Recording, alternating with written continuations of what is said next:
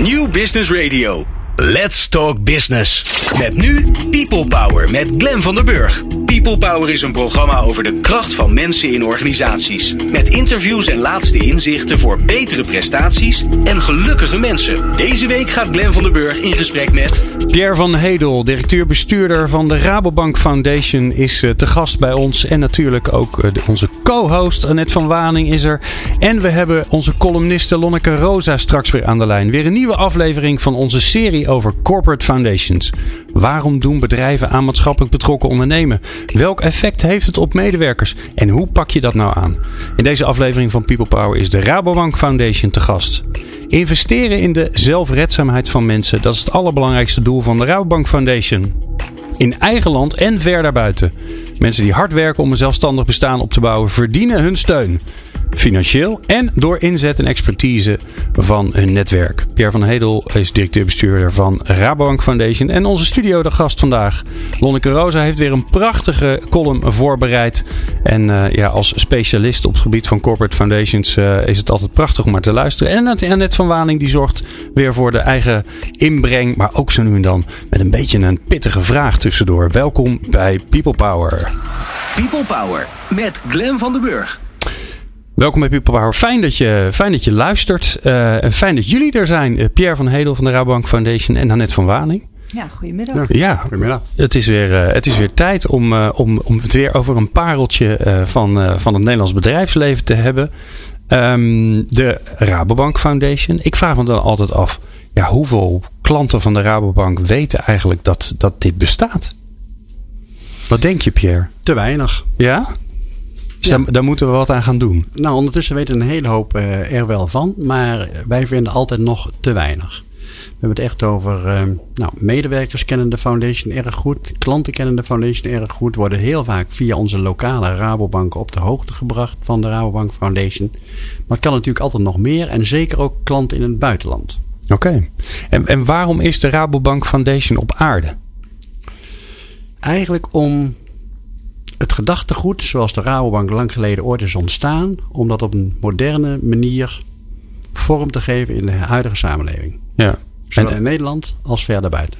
En voor de mensen die, uh, die er niet bij waren toen de Rabobank uh, ontstaan is en, en dat gedachtegoed snappen, wat, ja, wat, wat willen jullie bereiken? Nou, de Rabobank is eigenlijk lang geleden ontstaan doordat, uh, ja, je zou kunnen zeggen, kleine boeren in Brabant en Drenthe zichzelf organiseerden in, in coöperaties en samen verantwoordelijk waren voor het lenen met elkaar aan elkaar.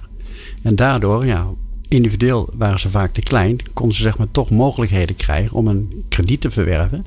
En daardoor misschien een extra koe te kunnen kopen, misschien hun producten op de markt te kunnen verkopen. En dat maakte de kracht van een coöperatie, waardoor ja, samen één zijn mogelijkheden bood aan mensen die het allemaal niet zo makkelijk hadden. Samen één zijn. Ja, mooi. Um, um, hoe lang bestaan jullie al? Want volgens mij zijn jullie al een hele oude foundation als je terugkijkt. Ja, concreet 45 jaar. 45 jaar al? Ja, opgericht door onze lokale Rabobanken in het land. Die gegeven zeiden van wat wij hier in Nederland hebben doorgemaakt. Dat moeten we eigenlijk ja, bij elkaar houden, vasthouden. En dat kunnen we in Nederland en in het buitenland verder, ja, noem het maar even, uitventen. En zijn jullie daarmee de oudste foundation, weet je dat? Nou, ik denk het wel. Ik ken er geen die ouder is. Ja? Annette? Ja, Hebben ze gewonnen? Ja, ik denk het wel. Nou, zeker van ons. nee, maar dat is wel, de Rabobank Foundation is wel een, een voorbeeld voor veel foundations in Nederland. Ja. Over hoe je uh, vanuit je um, visie en strategie van het bedrijf ook dat kan doorvertalen in je activiteiten van je foundation. En dan ook daarmee heel veel um, nou ja, initiatieven ontplooit waarbij je enerzijds je medewerkers betrekt en ook echt iets betekent voor die maatschappij. Ja. Nou, bijzonder dat jullie te gast zijn. Ja, Hartstikke mooi. Leuk. Jullie horen in deze reeks, reeks thuis. Um, hoe, hoe, uh, hoe wordt de Rabobank Foundation gefinancierd? Eigenlijk op drie manieren. Wij krijgen geld van de Rabobank groep, zou je kunnen zeggen. Dat is deels afkomstig van lokale Rabobanken en wordt een stuk aangevuld door het totaal, noem het maar even Rabobank Nederland. Uh, de tweede inkomstenbron zijn medewerkers, vooral niet te vergeten, waarin medewerkers uh, 4, 5 euro per maand uh, bijdragen aan de foundation. Dat zijn er zo'n kleine okay. 7000. En dat wordt verdubbeld door onze raad van bestuur. Oh. Maar een steeds belangrijker wordt eigenlijk de bijdrage donaties van klanten. dan hebben we het over bedrijven, respectievelijk vermogende particulieren. Die zeggen van nou, dat werk vinden wij zinvol, sluit aan bij wat wij deden of willen. En wij doneren zeg maar indirect aan de Rabobank Foundation via wat wij dan met een mooi woord noemen het Rabobank Foundation Klantenfonds. Maar medewerkers financieren dus ook mee? Ja, ja. Dat heb ik nog nooit eerder gehoord. Ja, zeker. Hoe, is dat dan net? We kunnen daarvoor tekenen en betalen in ons geval 4, 5 euro per maand. En uh, ja, zijn er zo'n kleine 7000. Zo. En, en wat doet dat dan met, uh, met de manier waarop zij betrokken bij zijn bij een foundation? Want ik kan me voorstellen dat ze dan zeggen: ja, weet je, ik, ik financier mee, dan wil ik ook wel wat te zeggen hebben. Nou, er zijn een aantal dingen. Uh, het eerste is dat ze soms met, met eigen projectvoorstellen kunnen komen. Gebeurt overigens niet zo heel vaak. Uh, het tweede is dat ze soms bij projecten die spelen betrokken kunnen worden. Bijvoorbeeld als adviseur ingeschakeld kunnen worden. Mhm.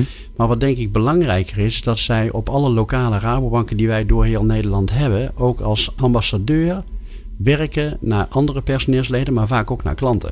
Dus het zijn eigenlijk zeg maar onze, ja, je zou kunnen zeggen vertegenwoordigers. Oké. Okay. Ehm, want je zegt even ambassadeur, hè? Um, nee, nee, daar ga ik zo naartoe. Ik wil, ik, want ik denk dat het eerst verstandig is dat de luisteraar ook weet van nou, wat voor, wat voor, hoe ziet een project er dan uit? Dus wat doen jullie dan? Nou, we hebben eigenlijk drie soorten projecten. Ehm, in het buitenland, heel dicht zeg maar, tegen de roots van de Rabobank aan, steunen wij eigenlijk twee typen organisaties. Dat zijn spaar- en kredietcoöperaties. Als je het heel plat slaat, zou je kunnen zeggen oude boerenleenbankjes, Raiffeisenbankjes. Waarin mensen eigenlijk geld kunnen lenen om product aan te kunnen schaffen. Misschien wel een koe of wat dan ook. Uh, en de andere kant zijn boerenproducentenorganisaties. Eigenlijk waarin heel veel mensen samen uh, bijvoorbeeld uh, koffie produceren. Nou, de grote partijen in de markt zijn nooit geïnteresseerd in één zak koffiebonen, maar misschien wel in duizend. Nou, als je nou duizend boeren bij elkaar brengt en die samen dat product laat vermarkten, ook over zo'n kwaliteitszorg en zo laat plegen, mhm. dan beginnen dat interessante partijen te worden. En zo kun je toch door samen dingen te doen, uh, meespelen in de markt. En dat soort type organisaties, dus die spaar- en kredietcoöperaties en die producentenorganisaties, die ondersteunen wij in zo'n 23 landen. Jeetje. Daarnaast hebben wij uh, projecten zeg maar in Nederland. En in Nederland uh, is natuurlijk ook zelfredzaamheid een heel belangrijk en samen doen een heel belangrijk thema. En daarin hebben we eigenlijk een paar thema's gekozen van organisaties en projecten die wij steunen die een beetje dicht bij het hart van de Rabobank liggen. Dus met name speelt daar bijvoorbeeld sociaal ondernemen. Hoe mensen weer mhm. aan de arbeid kunnen komen. Die misschien het wat minder getroffen hebben dan jij en ik. En aan de andere kant um, proberen we ook zeg maar, financiële zelfredzaamheid. een hele hoop mensen in Nederland hebben het toch misschien uh, niet allemaal even goed op orde. Nou, dat soort type projecten die daarop inspelen, proberen wij als Rabobank Foundation ook te ondersteunen. Dus dat zijn eigenlijk thema's, dat sociaal ondernemen, financiële zelfredzaamheid en daarnaast nog sport voor mensen die ja, het misschien allemaal niet kunnen betalen en cultuur. Dat zijn organisaties die we ook nog steunen. Dat is eigenlijk ons derde thema. Okay. Onder het, ja, je zou kunnen zeggen, samenvattende woord van mensen mee laten doen. En dat is een beetje, dat is eigenlijk de, je gaf het in het begin ook al aan, dat is eigenlijk de grotere noemer. Ja. Dat, dat we bij elkaar horen. Ja. Annette, jij, uh, uh, jij bent uh, directeur van de Verbego Foundation. Jij loopt natuurlijk in dit, in dit hele wereldje rond. Sterker nog, het was jouw idee om een reeks te gaan maken over corporate foundations. Hoe kijk jij nou naar de Rabobank Foundation? Nou, wat ik uh, in het begin al zei, hè, ik vind wel dat de Rabobank Foundation een voorbeeld is voor uh, heel veel foundations. Aan de ene kant omdat ze heel dicht bij hun, uh, bij hun eigen roots blijven met de dingen die ze doen. En dat ze ook echt midden in de maatschappij staan met de dingen die ze doen. Doordat ze dingen doen lokaal met hun lokale Rabobanken. Maar ook dat medewerkers zelf dingen mogen aandragen en ook daarbij betrokken worden. Um, en tegelijkertijd in het buitenland, dat ze ook daarin heel dicht bij blijven, waar ze ooit vandaan zijn gekomen, wat ze nog steeds in zich hebben. Dus dat, dat, dat vind ik een prachtig um, voorbeeld van hoe Rabobank Foundation dat doet.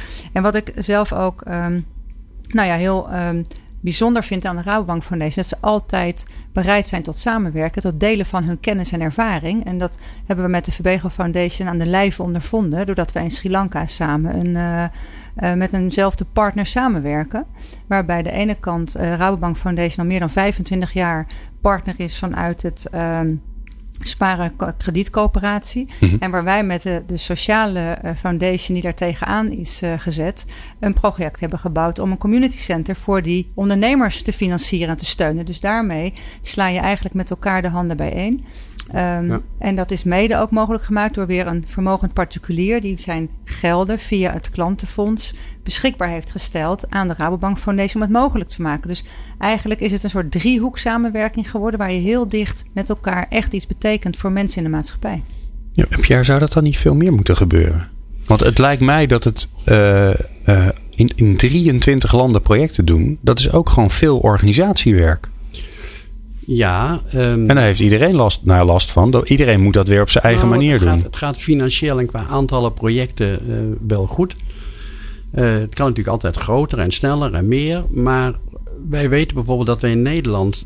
En dat, dat kunnen we meten, komen we straks misschien al even over te praten. Als je het hebt over impact, ongeveer zo'n 450.000 mensen bereiken. En in het buitenland uh, 5 miljoen boeren. En dat zijn toch behoorlijke aantallen. Natuurlijk kun je wel zeggen, ja, we willen heel ja. gauw naar 10 miljoen.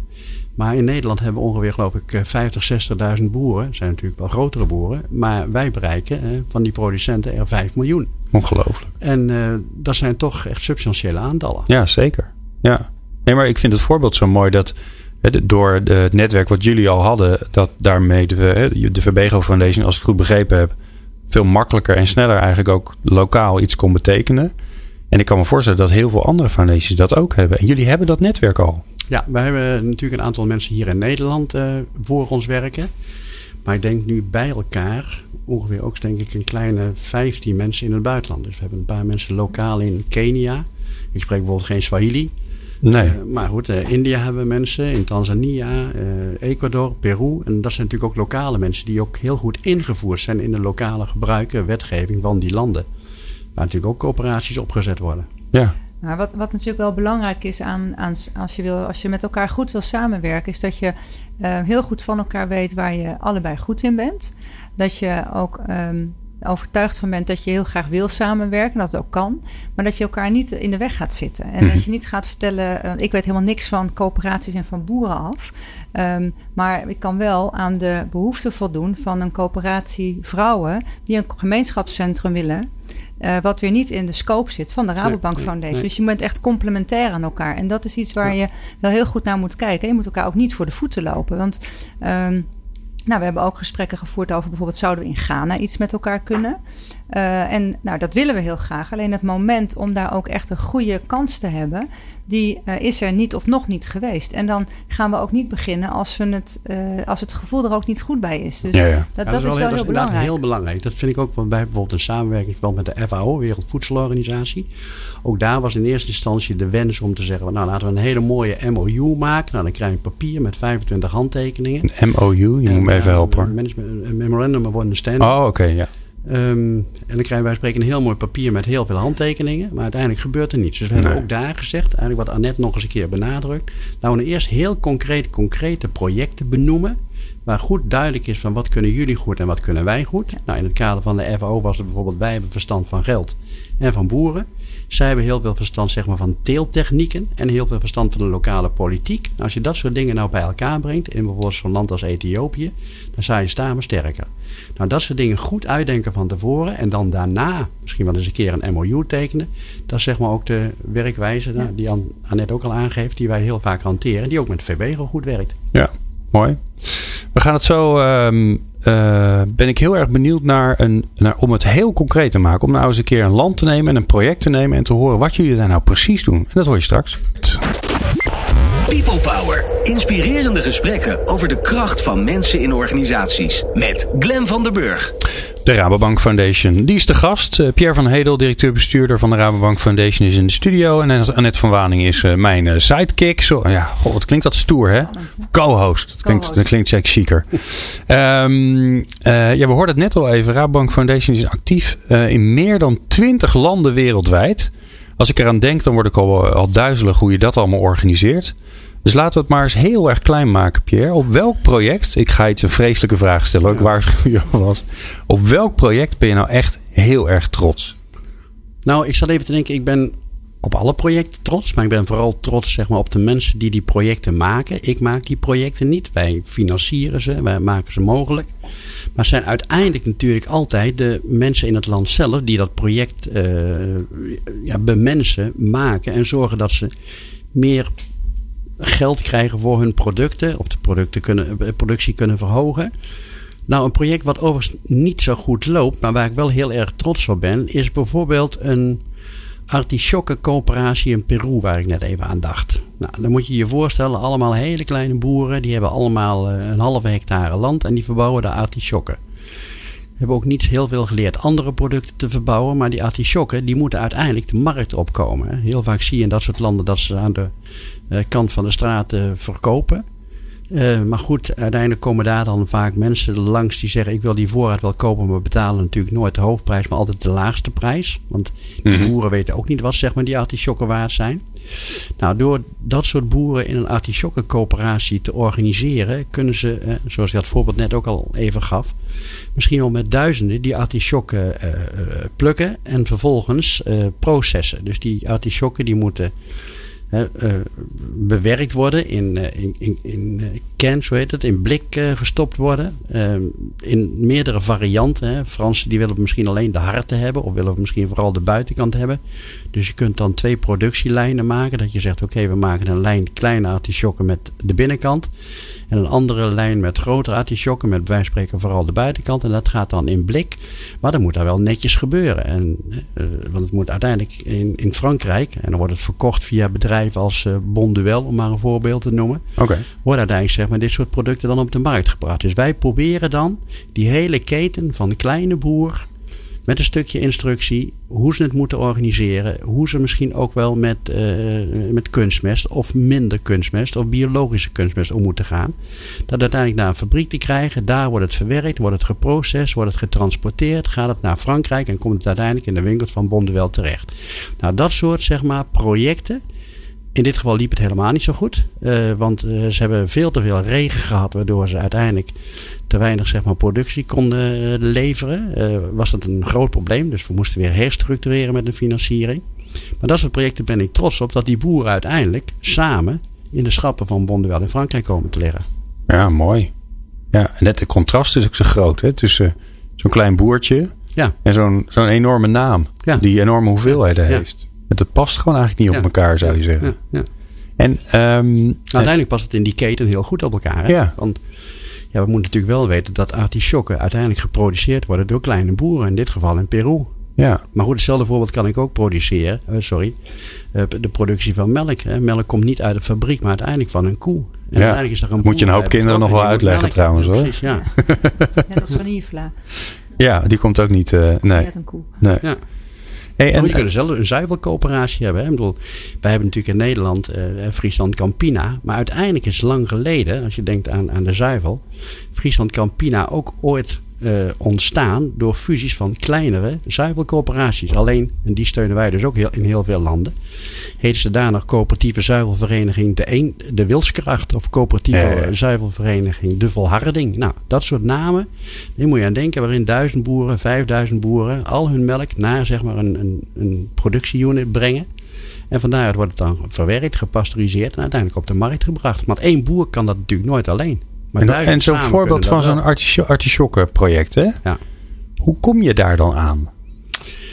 Ja, die komen uit. Kijk, op de eerste plaats zijn wij natuurlijk wel. Dat klinkt misschien een beetje arrogant Rabo. Dus we zijn toch wel bekend. Daar past dit hele verhaal overigens ook in, in onze. wat wij dan een mooi woord noemen. Banking for Food strategie binnen de Rabobank.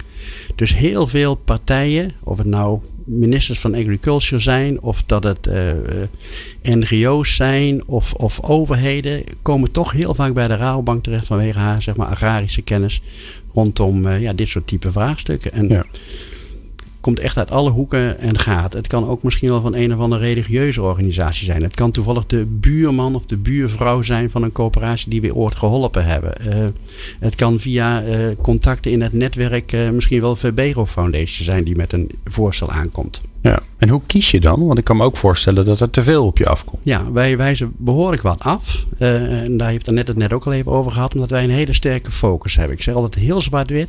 In het buitenland houden we ons vooral bezig met boeren en geld. Ik zeg het even heel plat. Dus als mensen bij ons komen van willen jullie HIV-AIDS-programma steunen, zeg ik altijd maar past niet bij ons. We hebben misschien één dokter en die werkt bij onze eigen interne arbeidsdienst.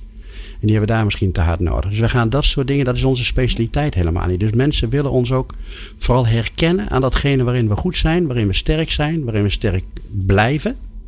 Dat is zeg maar wat wij kunnen. Dus wij doen ook bijvoorbeeld geen sanitatie. En we willen best praten over projecten met water, maar dan is het vaak water als irrigatiemiddel in relatie tot boeren. Ja, ja. Ja, ja mooi. En um, uh, want ik, kijk, dat artisjokken voorbeeld maakt het zo duidelijk voor mij. Hè? Want anders wordt het zo groot en dat kan ik allemaal niet handelen. Um, en wat is dan de rol van, je, van, van, jullie eigen, van jullie foundation? Is dat we geven geld en we houden een beetje in de gaten en dat is het? Of zit er, stop je er ook nog expertise in? Collega's die er verstand van hebben, gaan die daarheen? Of? Eigenlijk allemaal. Kijk, heel vaak is het zo, als je het een beetje gestileerd uit zou moeten leggen, dan begint zo'n kleine eh, coöperatie doordat boeren ja, zichzelf willen organiseren. En zeggen van als we het nou samen zouden doen, zouden we dan niet sterker staan. Nou, wij geven dan misschien wel een kleine donatie om zo'n zaak op te starten. Of sturen misschien wel eh, collega Glenn om eh, te adviseren hoe je zo'n coöperatie opricht. Lijkt me een heel goed idee. Nou, als een coöperatie dan wat groeit, dan, uh, ja, dan moet je misschien een management informatiesysteem hebben. Moet er afgerekend worden, moeten de leden geregistreerd worden, moeten er zaken ja, uitgedacht worden, moet een businessplan komen. Nou, dan kunnen wij ook misschien wel mensen uit eigen huis, vanuit de Rabobank sturen. Maar heel vaak maken we dan ook gebruik van externe experts die misschien, als je het hebt bijvoorbeeld over melk we hebben niet zo heel veel zeg maar, praktische melkspecialisten in dienst. Nou, dan gaan we misschien wel naar Friesland Campina. Uh, zouden jullie uh, ons kunnen helpen in dat project bij die organisatie daar bijvoorbeeld in Kenia? Nou, vervolgens gaan al die, die boeren dan misschien wel een extra koe kopen. Nou, dan kunnen wij ze financieren. Uh, mede op basis van de organisatie die we zelf, zou je kunnen zeggen, een beetje in de benen hebben geholpen. Oh, uh, dan geven wij bijvoorbeeld, ik hoop maar even wat, uh, het gaat even niet om de exacte bedragen, maar duizend boeren die allemaal een koe willen hebben voor, zeg maar eventjes 500 euro. Dan geven wij 500.000 euro lening. En de organisatie, die coöperatie die wij opgezet hebben, die pont dat dan uit naar elke individuele boer. En die 500.000 euro wordt dan door de coöperatie weer aan ons terugbetaald. Nou, soms moet daar nog wat meer expertise of consultancy uh, bijgebracht worden of ingebracht worden. En dan reizen wij misschien nog eens een keer af, beoordelen het, uh, praten met die organisatie en proberen uiteindelijk, en dat is natuurlijk altijd onze ambitie, die zelfredzaamheid te bevorderen. Dat we na bij wijze van spreken een jaar of zeven, negen kunnen zeggen. Nou, jullie hebben een goede coöperatie opgezet. Nu, je kunt nu zelfstandig financiering misschien wel van een normale bank uh, aantrekken.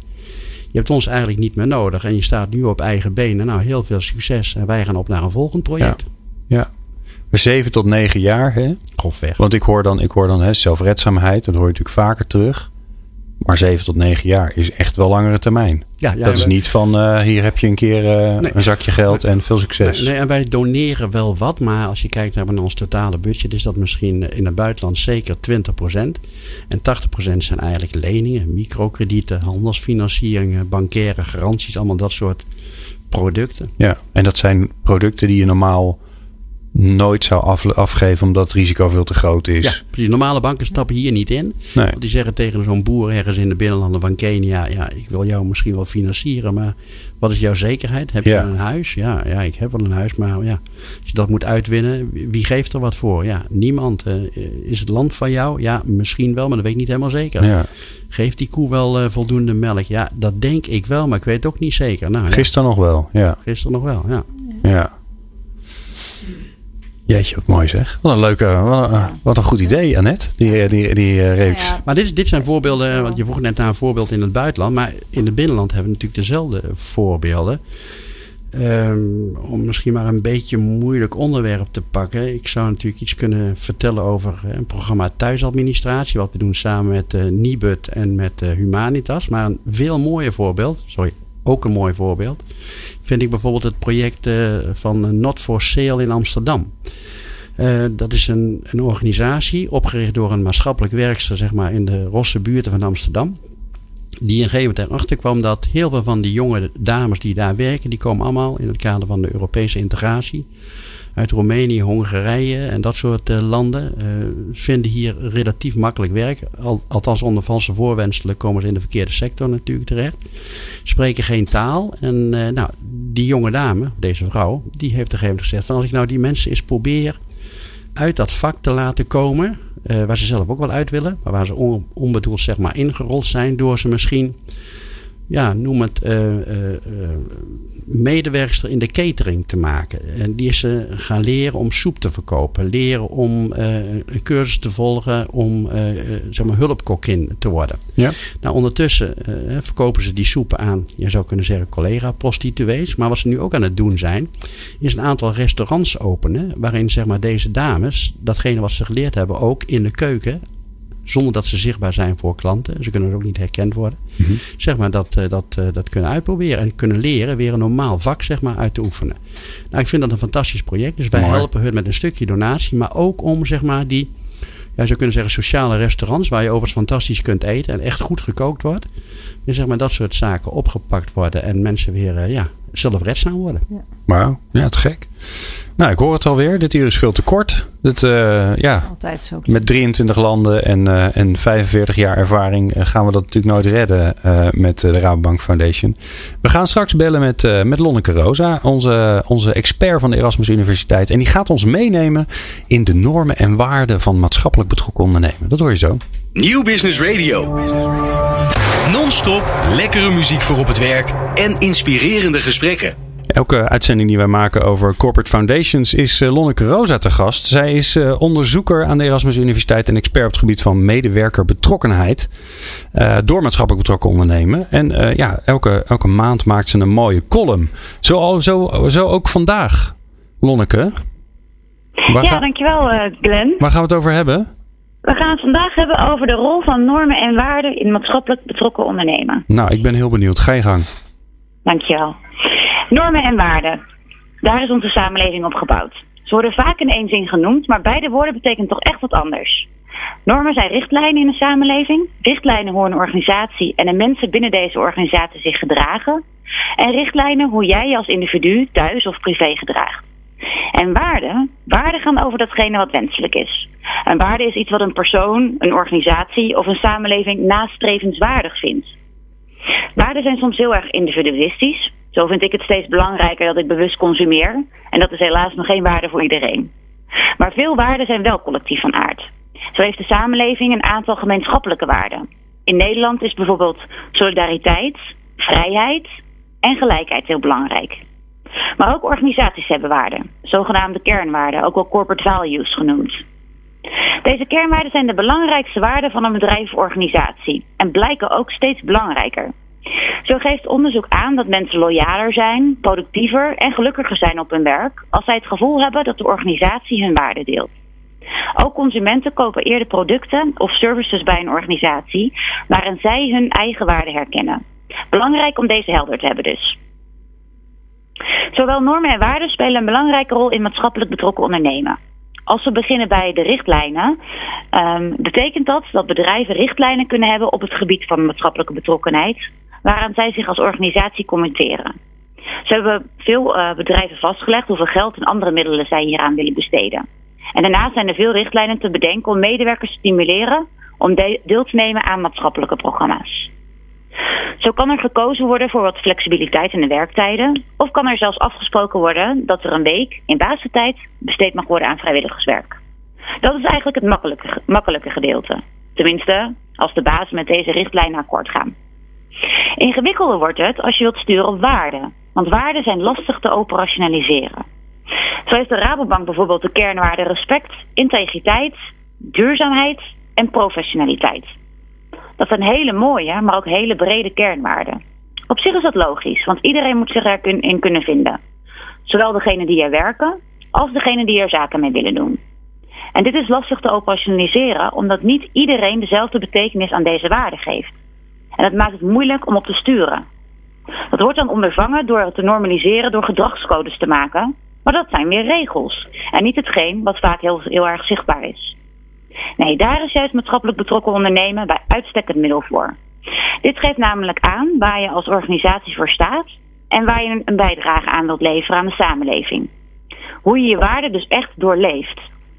Ook geeft het medewerkers binnen de organisatie de kans om echt te handelen op die belangrijke waarden. En deze combinatie van waarden en ernaar kunnen handelen, heeft tot resultaat dat mensen enerzijds gesocialiseerd kunnen worden met de kernwaarden van de organisatie, als ze dat nog niet waren. En voor de anderen geldt het juist dat ze zich nog meer verbonden gaan voelen met de organisatie. Juist omdat ze ervaren dat hun bedrijf inderdaad dezelfde waarden hebben. Maar ook voor maatschappelijke organisaties die werken met bedrijven of corporate foundations is het belangrijk om enerzijds zelf hun waarden duidelijk te formuleren en toch wel even onderzoek te doen uh, naar de waarde van het bedrijf of de corporate foundation waarmee zij werken. Als zij bedrijven en individuen binnen bedrijven kunnen aanspreken op gezamenlijke waarden, gezamenlijk vinden dat iets gewenst is, dan heb je grote kans dat er een samenwerking ontstaat. En daarom zou ik zeggen, ga aan de slag met normen en waarden en vertaal deze naar je MBO-programma. Nou, dankjewel Lonneke. Dat was weer, uh, was weer mooi. Ik, ik, kijk even hier in de studio rond. Pierre? Ja. Hoe doen jullie dat? Nou, die, die vier thema's, uh, die, die verbondenheid die Lonneke aangeeft, vind ik wel een hele uh, belangrijke. Die verbondenheid voelen met het bedrijf. Bij ons vertaalt zich die, zoals Lonneke dat aangeeft, in respect, integriteit, duurzaamheid en professionaliteit. Maar als je dat vertaalt naar de Rabobank Foundation, waar we het nu over hebben, dan noem ik onszelf ook wel eens een keer de, de Rabobank op herhaling. Wat mhm. wij, uh, de Rabobank op herhaling. Ja, wat wij lang geleden ooit bedacht hebben, zeg maar juist bij deze Rabobank. En hoe we dat nu proberen te vertalen naar mensen die het toevallig wat minder getroffen hebben in Nederland of in het buitenland. En daarin kun je tot uitdrukking laten komen hè, dat respect, wat ik vind dat je moet hebben. Ook voor mensen die het toevallig wat minder getroffen hebben dat je ook kiest voor een stukje integriteit. Hè? Dat je je niet laat verleiden om verkeerde dingen te doen. Uh, dat je dat ook professioneel doet. Juist die dingen doen die je kunt. En ook zeggen dat je die dingen die je niet kunt, dat je die dan ook niet doet. Uh, als ik bij spreken nu ineens, uh, ik noem maar even wat, HIV-AIDS-programma's, wat ik zo straks vertelde, ga, dan zegt iedereen, oh, wacht even, daar, daar kan Dan snappen ze niet meer. Dan snappen ze me niet meer. Wij hebben versteld, verstand zeg maar, van boeren, geld en mensen samenbrengen, mensen organiseren in coöperaties. En vooral die mensen die het zeg maar wat minder getroffen hebben. Nou, dat zit zeg maar, dat doen we ook duurzaam. In de zin van langjarig. Daar heb je zelf al even wat uh, over gevraagd. Maar ook zeker, hè, denk bijvoorbeeld aan voorbeelden. Dat je denkt van aardappelboeren ergens in de binnenlanden van Indonesië. Duurzaamheid heeft ook te maken met het gebruik van pesticiden. Nou, ook daarvan. Hè, duurzaam omgaan met deze wereld. En dat ook in je producten vertalen ook zeg maar eh, in het Westen, maar ook in andere landen steeds meer om gevraagd wordt. Ook dat proberen wij in onze programma's uh, zeg maar te verwezenlijken. Dus zowel die duurzaamheid als die integriteit als die professionaliteit zijn echt dingen die ons werk in die Rabobank behaling proberen, proberen terug te laten komen. Ja, mooi. Lonneke, mm -hmm. dankjewel. Ik spreek, je, vol, ik spreek je volgende Tot maand weer. Keer. Ja. Uh, we praten straks verder met uh, Pierre van Hedel en uh, met Annette van Waling. Want die is er natuurlijk zoals altijd bij bij deze mooie uitzending over de Corporate Foundations. En ja, het laatste blokje wil ik altijd weer terug naar datgene wat ik stiekem eigenlijk het meest interessant vind. Hoe betrek je nou bij zo'n prachtig iets als de Rabobank Foundation je medewerkers? Dat hoor je zo. People Power met Glen van den Burg. Met in de studio Pierre van Hedel van de Rabobank Foundation en mijn bijzonder fijne co-host Annette van Waning. Die is wat stil vandaag, maar Pierre die heeft zoveel te vertellen. Ja, nou ja, soms dan, uh, hè, dan hoef je ook niet zo heel veel te doen. Het is voor mij ook een uitermate ontspannen uitzending. een paar vragen en uh, de mooie verhalen stromen er vanzelf uit. Um, ja, uh, Pierre, je bent te gast bij People Power. We hebben het over de kracht van mensen in organisaties. jullie doen prachtige dingen met de Rabobank Foundation. Er werken, nou, we hebben het net al even gehad, zo'n beetje tegen de 45.000 mensen bij de Rabobank. Dat zijn er nogal wat. Hoe zorg je nou dat die betrokken zijn bij datgene wat jullie doen? Um, dat doen we eigenlijk op een hele hoop manieren. Om er een paar even uit te lichten. Um, het eerste is dat we toch veel tijd steken in bewustwording. Dus we proberen al onze interne collega's uh, te vertellen wat we doen, uh, waar we mee bezig zijn. En vooral uit te leggen ook waarom we dit doen. Waarom de Rabobank Foundation dat doet, juist binnen de Rabobank of gekoppeld aan de Rabobank. Um, en hoe doe je dat? Wat, wat, wat, wat laat je ze dan zien, nou, voelen, horen? Om een voorbeeld te noemen, wij hebben uh, pas een, een, een intern een, een kookboek uitge, uitgebracht. Dat kookboek heet Roots. Dan zeg je Roots, ja, wat een mooie naam. Ja, nou precies. Dat woord geeft eigenlijk aan terug naar de roots van de Rabobank.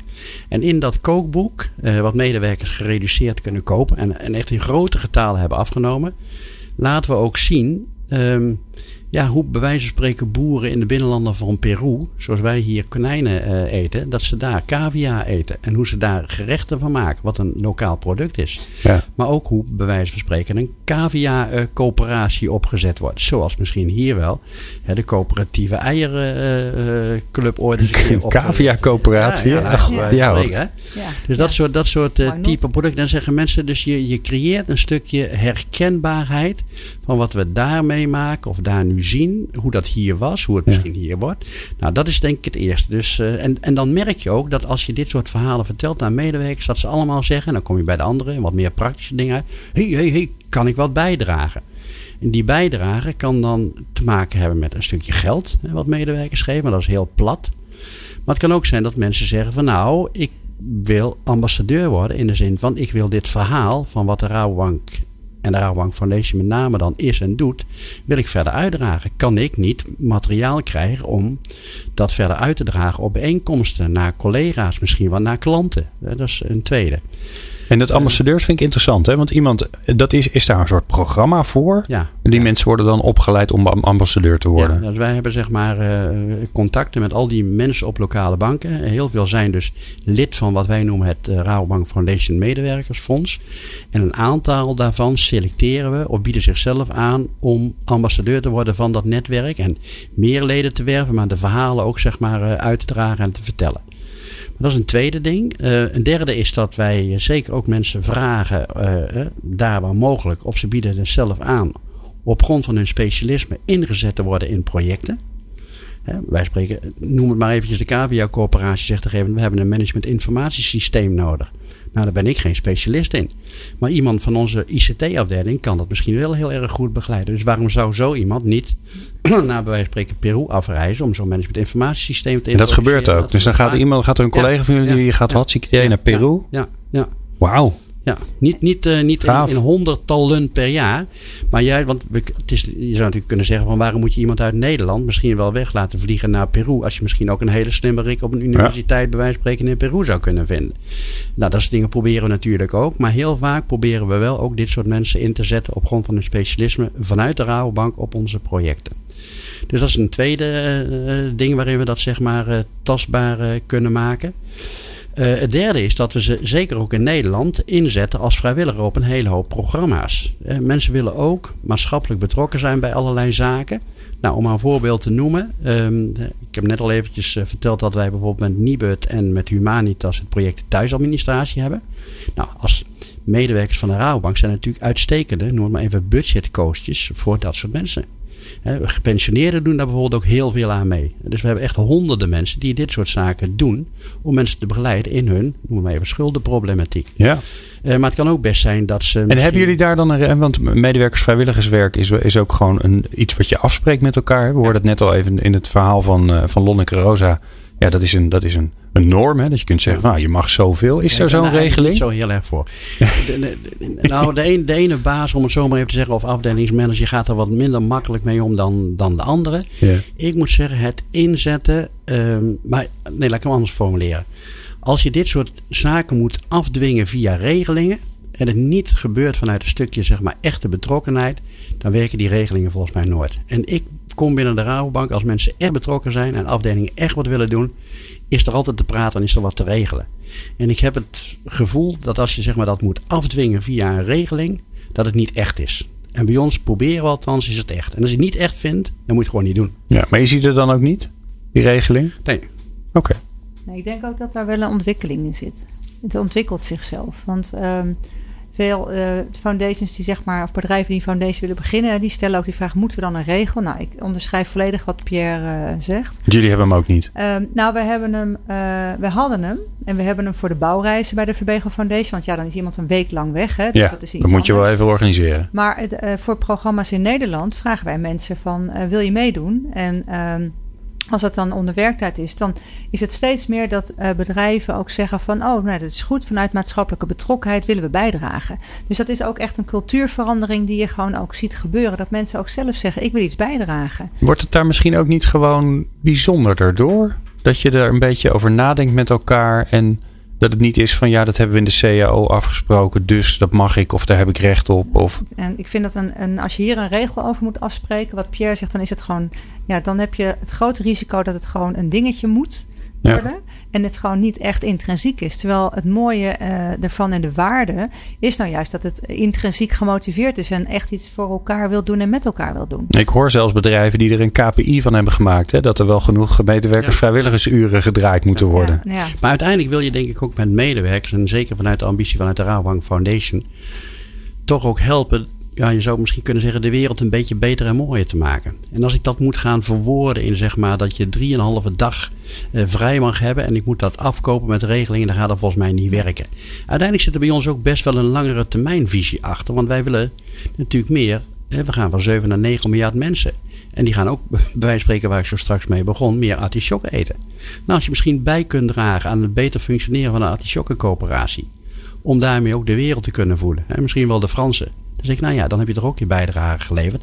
En misschien is dat wel helemaal niet te vertalen in dagen, maar misschien wel in langere termijn business, in langere termijn oplossing van de wereldvoedselproblematiek. En dat vind ik past nou heel erg juist bij de Rabobank. Nou, ja. volgens mij kun je daar ook heel mooi een combinatie maken. Wat is nou de impact van wat je doet? Ja. Want juist op die manier heb je op langere termijn veel meer impact en bijdrage voor de maatschappij of voor een aantal boeren. Uh, nou, zoals bijvoorbeeld uh, in Peru met de artisjokken of bij die cavia-coöperatie. En dat verandert gewoon zo in, enorm hun leven. Dat het uh, zonder de Rabobank Foundation dit soort projecten ook echt nooit was veranderd. Ja. Meten jullie dat? Ja, zeker. Uh, bijvoorbeeld wij, wij meten het in, in inkomenspositieverbetering. We meten het ook in bijvoorbeeld zeg maar, uh, opbrengsten per, per hectare van het product wat, uh, wat ze verbouwen. En kijken of zeg maar, daardoor de productie om, om, omhoog gaat. En uiteindelijk gaat het niet zozeer om die productie, maar wel om de inkomenspositieverbetering van, van die boeren. Maar wij meten zeker ook, vandaar dat ik die getallen noemde van dat wij in Nederland bijvoorbeeld 450.000 mensen bereiken.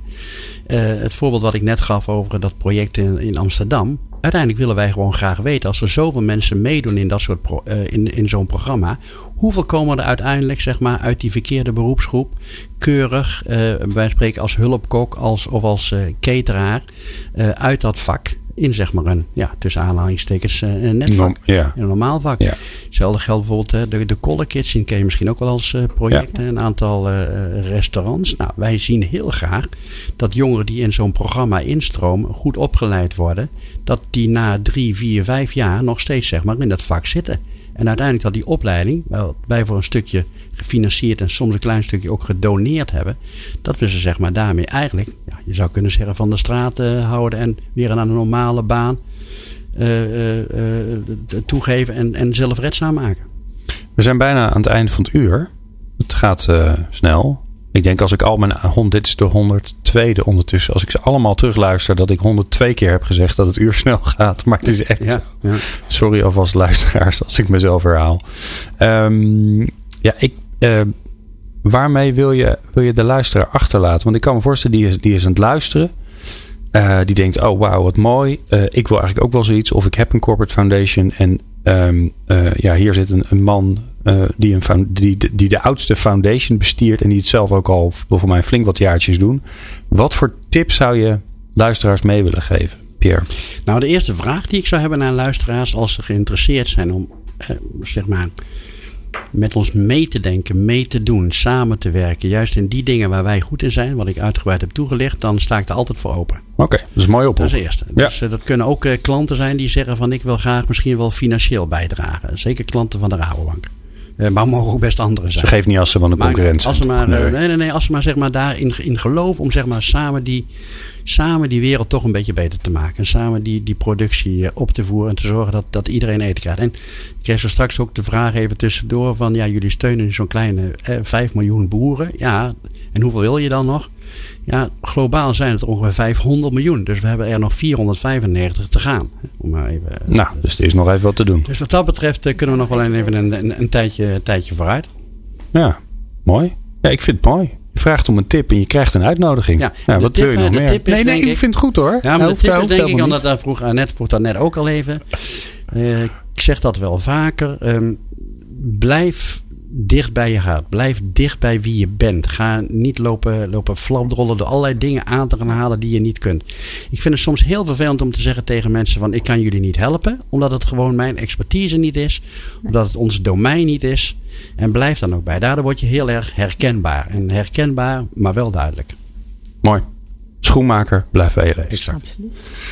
Pierre van Hedel, mag ik jou bijzonder bedanken voor je komst naar de studio. Ik vond het een voorrecht om je hier te hebben. Uh, om te praten over de Rabobank Foundation. Annette, wij hoeven geen afspraak te scheid te nemen. Want je blijft, jij blijft gezellig zitten voor het volgende uur.